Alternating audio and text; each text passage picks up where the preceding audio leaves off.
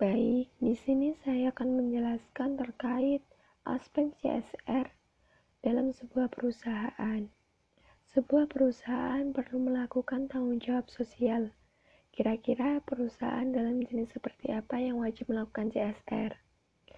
Setiap bentuk perusahaan mempunyai tanggung jawab untuk mengembangkan lingkungan sekitarnya melalui program-program sosial seperti program pendidikan, lingkungan, dan lain sebagainya. Yang demikian itu disebut CSR.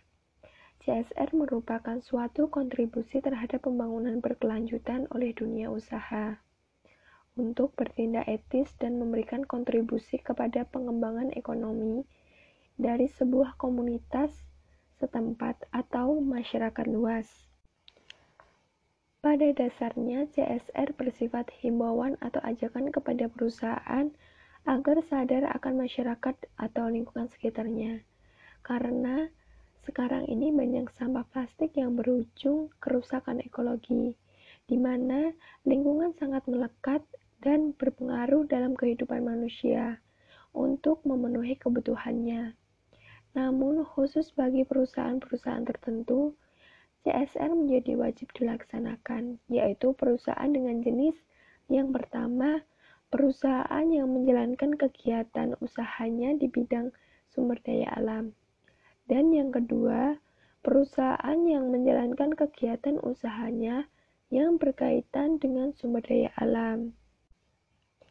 Menurut penjelasan pasal 74 Undang-Undang Nomor 40 Tahun 2007, yang dimaksud dengan perseroan yang menjalankan kegiatan usahanya di bidang sumber daya alam adalah perseroan yang kegiatan usahanya mengelola dan memanfaatkan sumber daya alam. Lalu, perseroan yang menjalankan kegiatan usahanya yang berkaitan dengan sumber daya alam adalah perseroan yang tidak mengelola dan tidak memanfaatkan sumber daya alam, tetapi kegiatan usahanya berdampak pada fungsi kemampuan sumber daya alam. Lalu, dalam konteks yang seperti apa CSR menjadi wajib dilakukan oleh sebuah perusahaan? Contoh empiriknya permasalahan pencemaran Sungai Citarum di Kampung Balai Kambang, Kabupaten Bandung yang diakibatkan oleh maraknya pembuangan limbah industri pabrik ke aliran sungai tanpa proses instalasi pengolahan limbah terlebih dahulu. Sektor industri manufaktur seperti tekstil, kimia, kertas, kulit, logam, farmasi, dan produk makanan dan minuman lainnya. Menyumbang 2.800 ton limbah setiap harinya. Semuanya merupakan limbah cair kimia bahan bahaya beracun B3 yang mengandung logam berat. Logam berat, logam berat merupakan elemen yang tidak dapat terurai dan dapat terakumulasi sesuai melalui rantai makanan dengan efek jangka panjang yang merugikan pada makhluk hidup.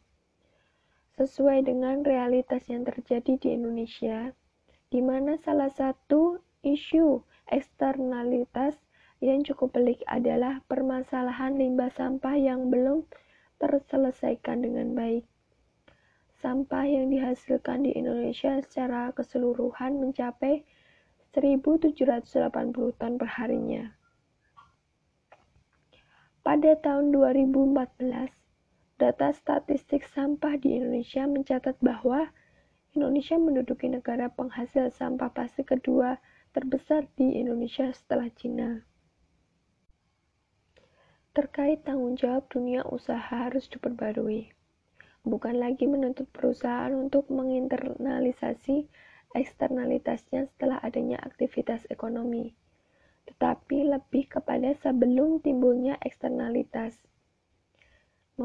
Pemahaman mengenai tanggung jawab sosial perusahaan atau CSR harus dikaitkan langsung dengan upaya perusahaan untuk memproduksi produk ramah lingkungan sebagai prinsip dalam menjalankan sebuah aktivitas ekonominya.